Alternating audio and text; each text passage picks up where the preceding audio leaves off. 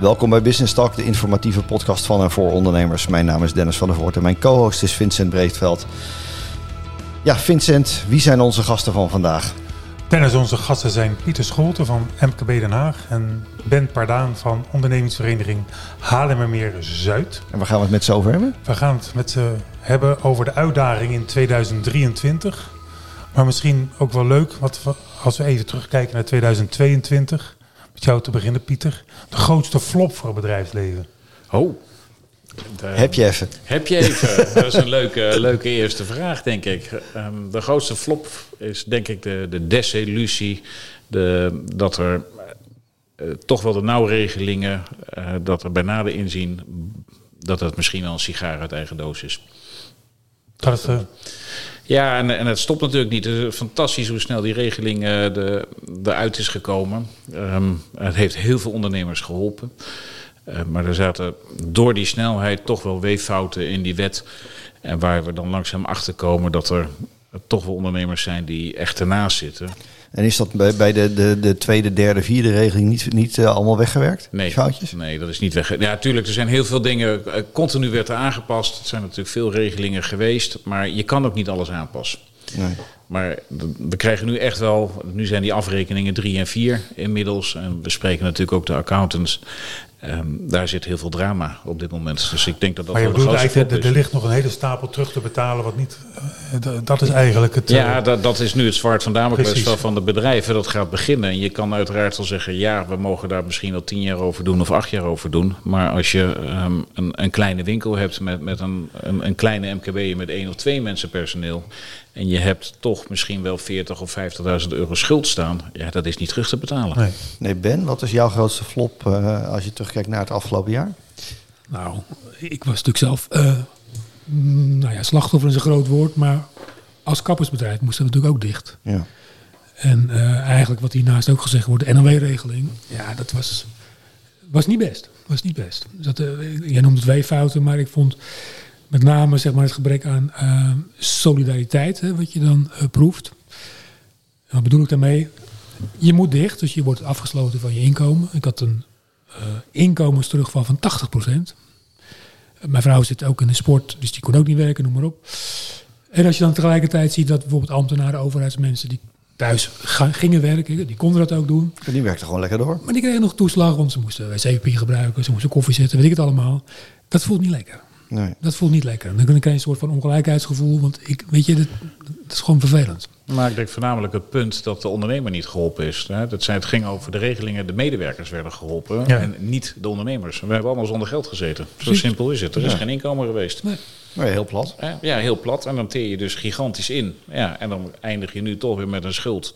Eh, dan heb je wel een probleem. Je krijgt een liquiditeitsprobleem. Ja. Maak je je zorgen over. ehm, ehm, hè, we, we hebben het, nou ja, 2021 was heel erg COVID. Begin 22 begon de wereld langzaam maar zeker open te gaan. Eh, en nog geen acht weken in het jaar ging er iemand met raketten gooien. En dat had ook weer een impact op het bedrijfsleven op een andere manier. Ehm, nu staan we aan het begin van weer een nieuw jaar. En eh, worden er weer maatregelen genomen tegen eh, vliegtuigen uit China vandaan. Heb je daar zorgen over? Dat we weer terugvallen in, in de fouten van drie jaar geleden? Nee, nou, weet je, het adequate eh, reageren is er weer niet. Hè? Dus dat is wel een dingetje. Dat is weer afwachten. Ja, kijk, wat ik begrepen heb, gaat het met name om de eh, heet het Omicron variant. Dus daar schijnen wij resistent voor te zijn. Maar je zou natuurlijk heel slim kunnen zijn om het bij de voordeur al tegen te houden. Of in ieder geval te beperken zoveel mogelijk. Ja. Dus, en, en ook nu zie je weer hoe dat dan in eh, Europa zeg maar niet goed geregeld wordt. Ja, Italië doet dit, Frankrijk doet dat, Nederland doet niks.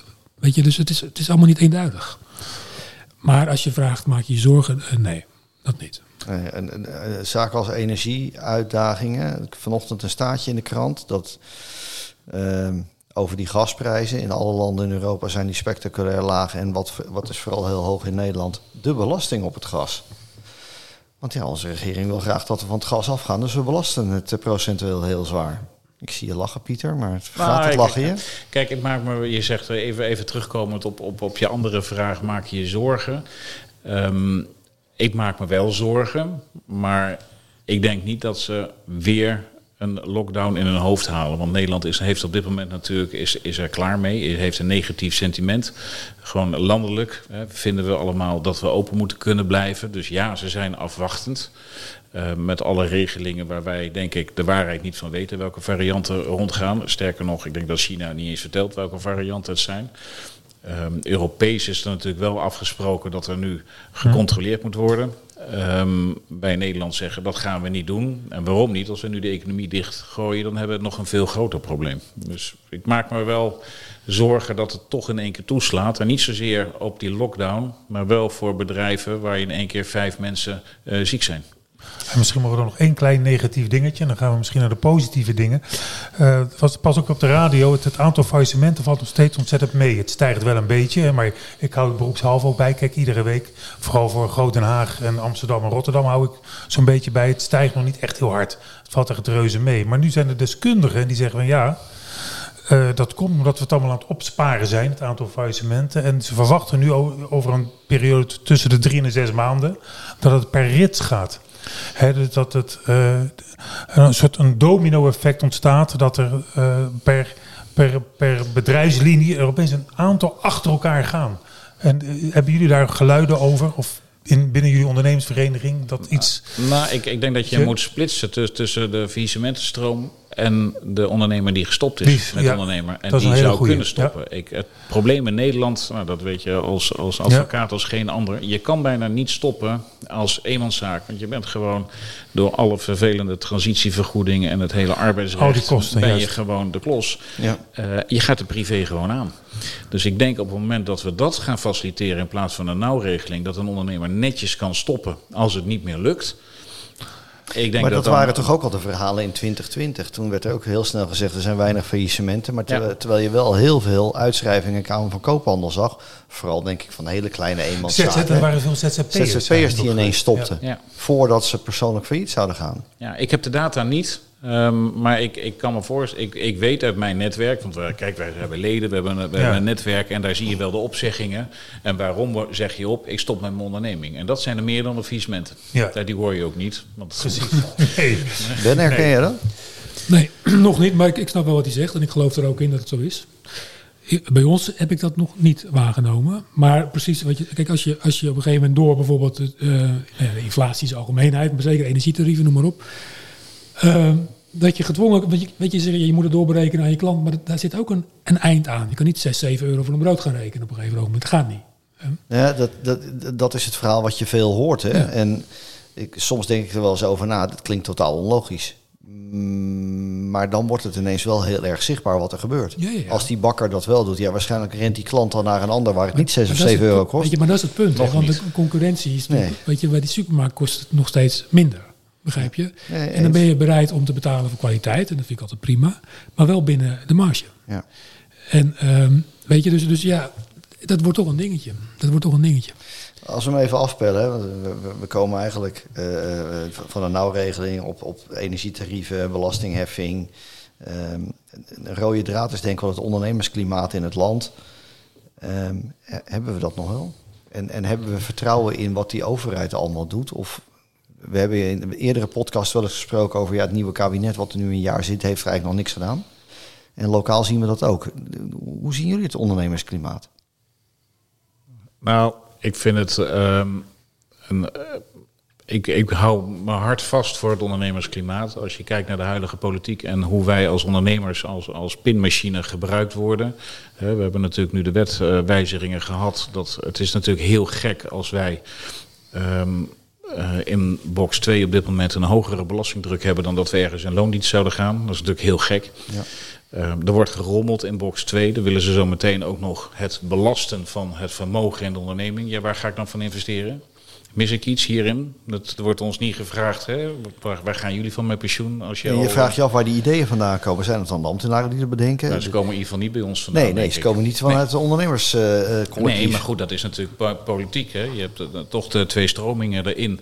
En we hebben helaas een stroming erin zitten die uh, wil nivelleren. Maar als je dus kijkt naar het, de afgelopen tien jaar, de periode Rutte, zijn we nog steeds hebben te maken met nivellering. En daar, en iedereen zegt dat is niet zo, maar op het moment dat je de pensioenpot van 16 miljard eruit trekt, dan je kijkt naar de vermogenden, is er gewoon sprake van nivellering. Ja. Dus het is pers, hè, de NOS is allemaal, nu noem ze allemaal maar op, allemaal negatief, negatief, negatief. Kom nou gewoon eens met cijfers en vertaal die ook in duidelijke taal voor iedereen. Want dat is natuurlijk nog een ander probleem. Nou ja, en, en, en, is dat nivelleren überhaupt wel zo hard nodig? Want, want is die ongelijkheid in het land zo groot?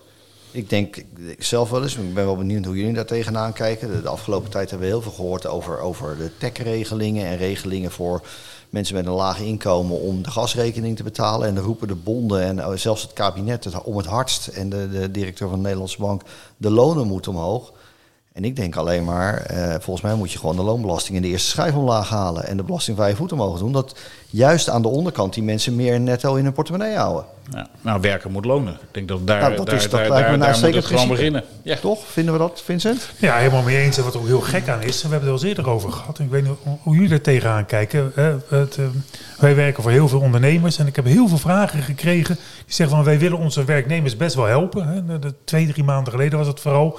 Ik wil een, een regel voor mij hè, dat ik dat gewoon gratis, uh, zonder belastingheffing, 500 of 1000 euro kon geven. Nou, dat, dat kan dus niet.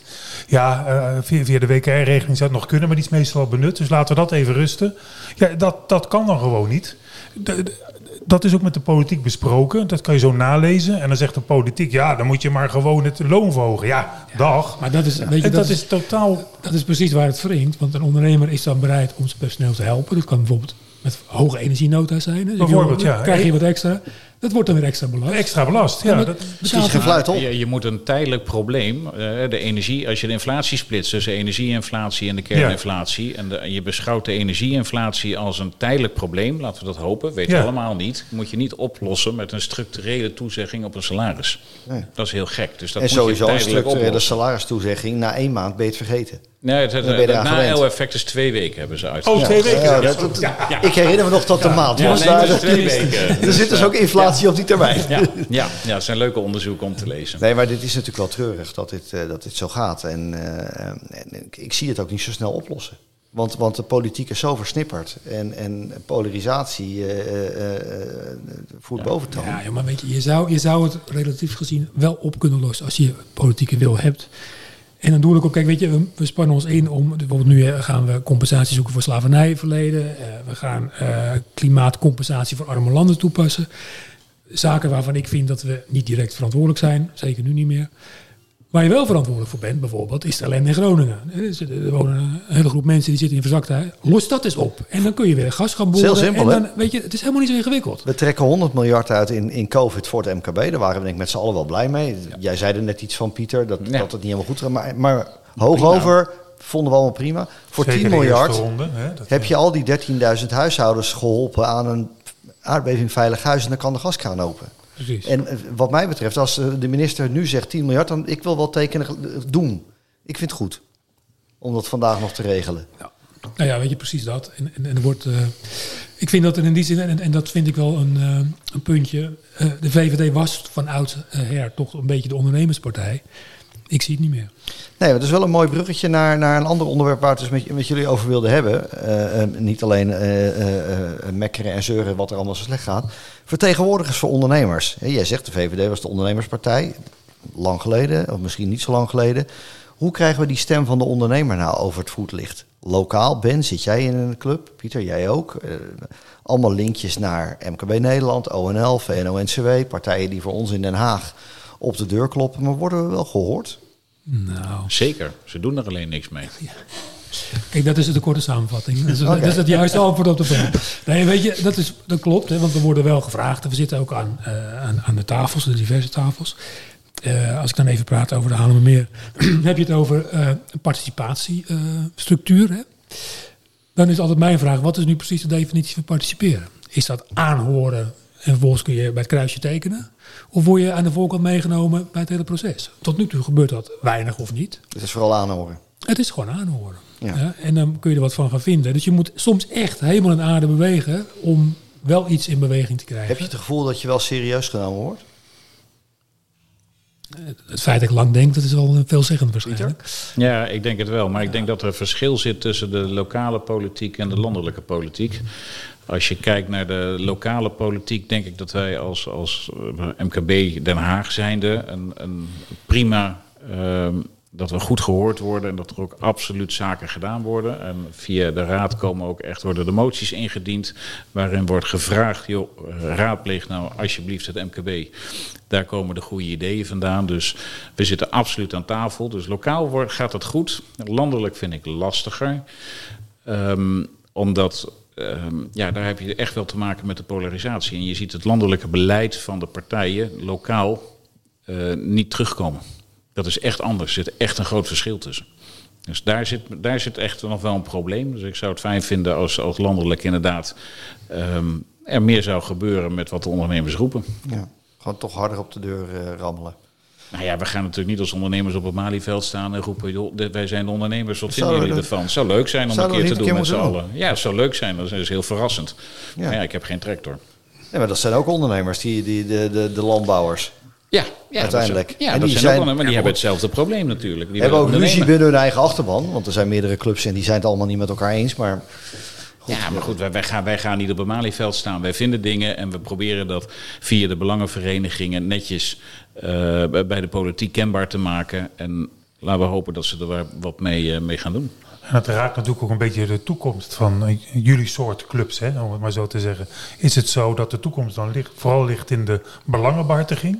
Of, of denken jullie van eigenlijk zal in de toekomst zullen we ons meer moeten richten naar onszelf, kennisoverdracht, samenwerken, et cetera? dat zijn toch wel twee verschillende dingen. het, het klinkt een beetje door dat het eigenlijk meer, meer een belangenbehartiging zou moeten worden, richting naar derde toe, vooral naar overheden. Of denken jullie er anders over? Nee, wij, wij, wij zijn met name wel, uh, eigenlijk hebben wij twee pijlers. En dat is belangenbehartiging en netwerken. Dus ja. het netwerk is natuurlijk een ander verzet. Uh, belangenbehartiging, dat, uh, ja, dat nemen we wel serieus. En we zitten ook wel aan de tafels waar we moeten zitten, om het zo maar te zeggen. Alleen, je merkt dat het vaak stroef verloopt. Het is ook een verschil tussen landelijk en lokaal. Want, uh, je kunt er lokaal echt wel, en heb je het over verkeersproblemen of over uh, nou ja, zeg maar bereikbaarheid, is de algemeenheid, is ook een belangrijk punt. Maar um, weet je, het is gewoon, soms moet je even een klein beetje weten welke wegen je moet bewandelen. Concreet voorbeeld, er is nu een nieuw verkeersstructuurplan opgesteld. Het wordt eigenlijk extern ingericht, door een bureau wordt er ingehuurd en die gaat zich erover buigen. Uiteraard. Wij hebben gewoon een tegenplan gemaakt hebben we de raad uitgenodigd. We hebben het uiteengezet aan de raad van zo zouden wij het graag willen zien. Want uiteindelijk, hè, wel eerder gememoreerd, uh, de raad kan natuurlijk wel klagen, maar die, die tekent ook vaak bij het kruisje. Ja die zijn toch ook verantwoordelijk voor. Ja. Precies. Ook afhankelijk van hetgeen wat ze. Ja, dat nou, is dus wat je doet, je probeert eerst het probleem inzichtelijk te maken. Dus door de raad te informeren en ook de media te gebruiken. En op die manier probeer je de politiek een beetje mee te laten bewegen. Dus het is niet, het is niet een kwestie van ik bel eventjes en morgen is geregeld. Zo gaat dat nee, niet. Dat is, nee. Het is natuurlijk een lang, een lang traject, maar je moet het wel doen. En als je dat ook weer aan je leden kenbaar maakt, dan zien ze wel van joh, de inspanningen die jullie verrichten, die worden wel gewaardeerd. Dus ze snappen ook de problemen waar je tegenaan loopt.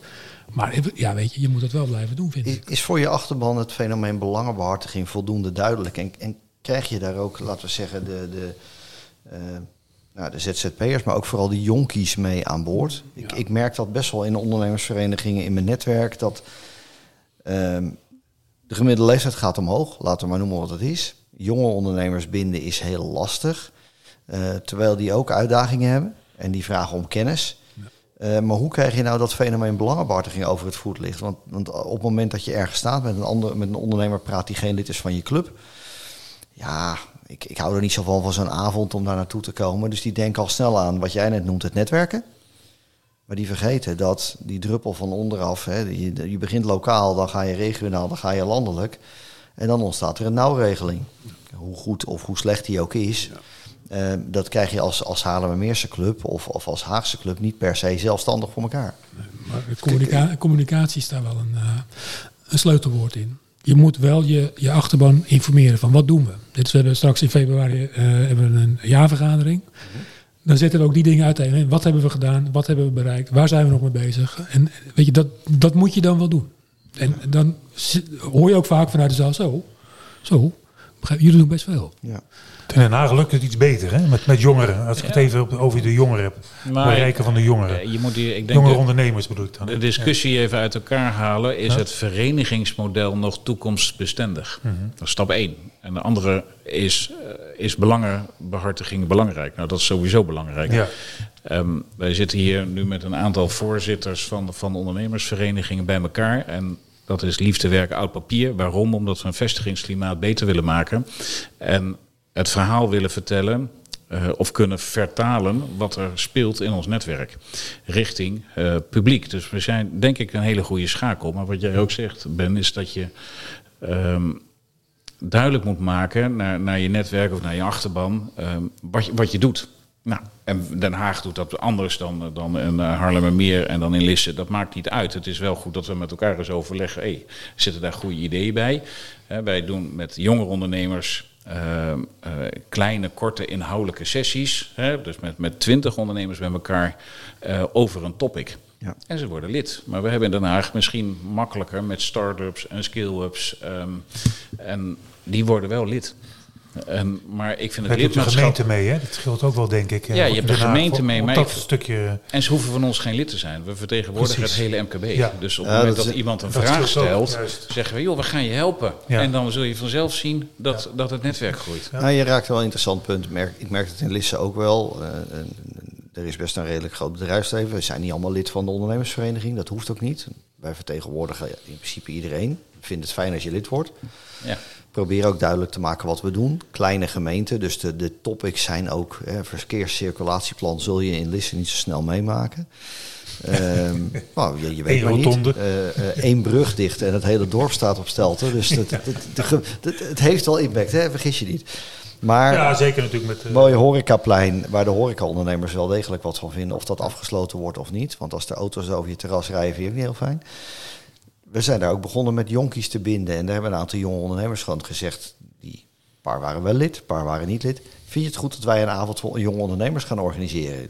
Prima, ga je gang, maar hou me wel even aangehaakt wat jullie gaan doen. Eh, bedenk een plan. Eh, Het hoeft geen boekwerk te zijn. Bedenk op een half A4'tje wat wil je dan gaan doen. En gaan we doen. En dan kijken we wel of we wat jongeren aan ons kunnen binden. En die gaan we dan meenemen in het belangenbehartigingsverhaal. Ja. En, en dat doen we nu op de manier die ik net schetste. Van, wij doen dingen lokaal. We hebben regionale binding voor onderwerpen die relevant zijn. We praten ook landelijk via ons netwerk. En op die manier probeer je ook duidelijk te maken dat het niet alleen het borrelen en gezellig met een hap eten is. En af en toe een leuk fun uitje. Maar dat we ook wat voor elkaar willen krijgen. Maar hetzelfde is dat er een KVO eh, speelt in een van onze bedrijventerreinen. En het komt gewoon niet van de grond. Hm. En, en ook ondernemers die ja, het interesseert me echt niet. Maar we weten dat er in dat bedrijfterrein elke week een drugslab wordt opgerold. Elke week weer. En dat er illegaal geprostitueerd wordt en, en eh, eh, eh, illegaal gehuisvest. Dus de gemeente vindt het heel belangrijk en die zegt, ja, het is een ding van de ondernemers. En Ja, maar goed, als je dus op een, op een bedrijventerrein zegt... oké, wat is de problematiek lokaal? En je maakt daar bij een bedrijf een, een afspraak...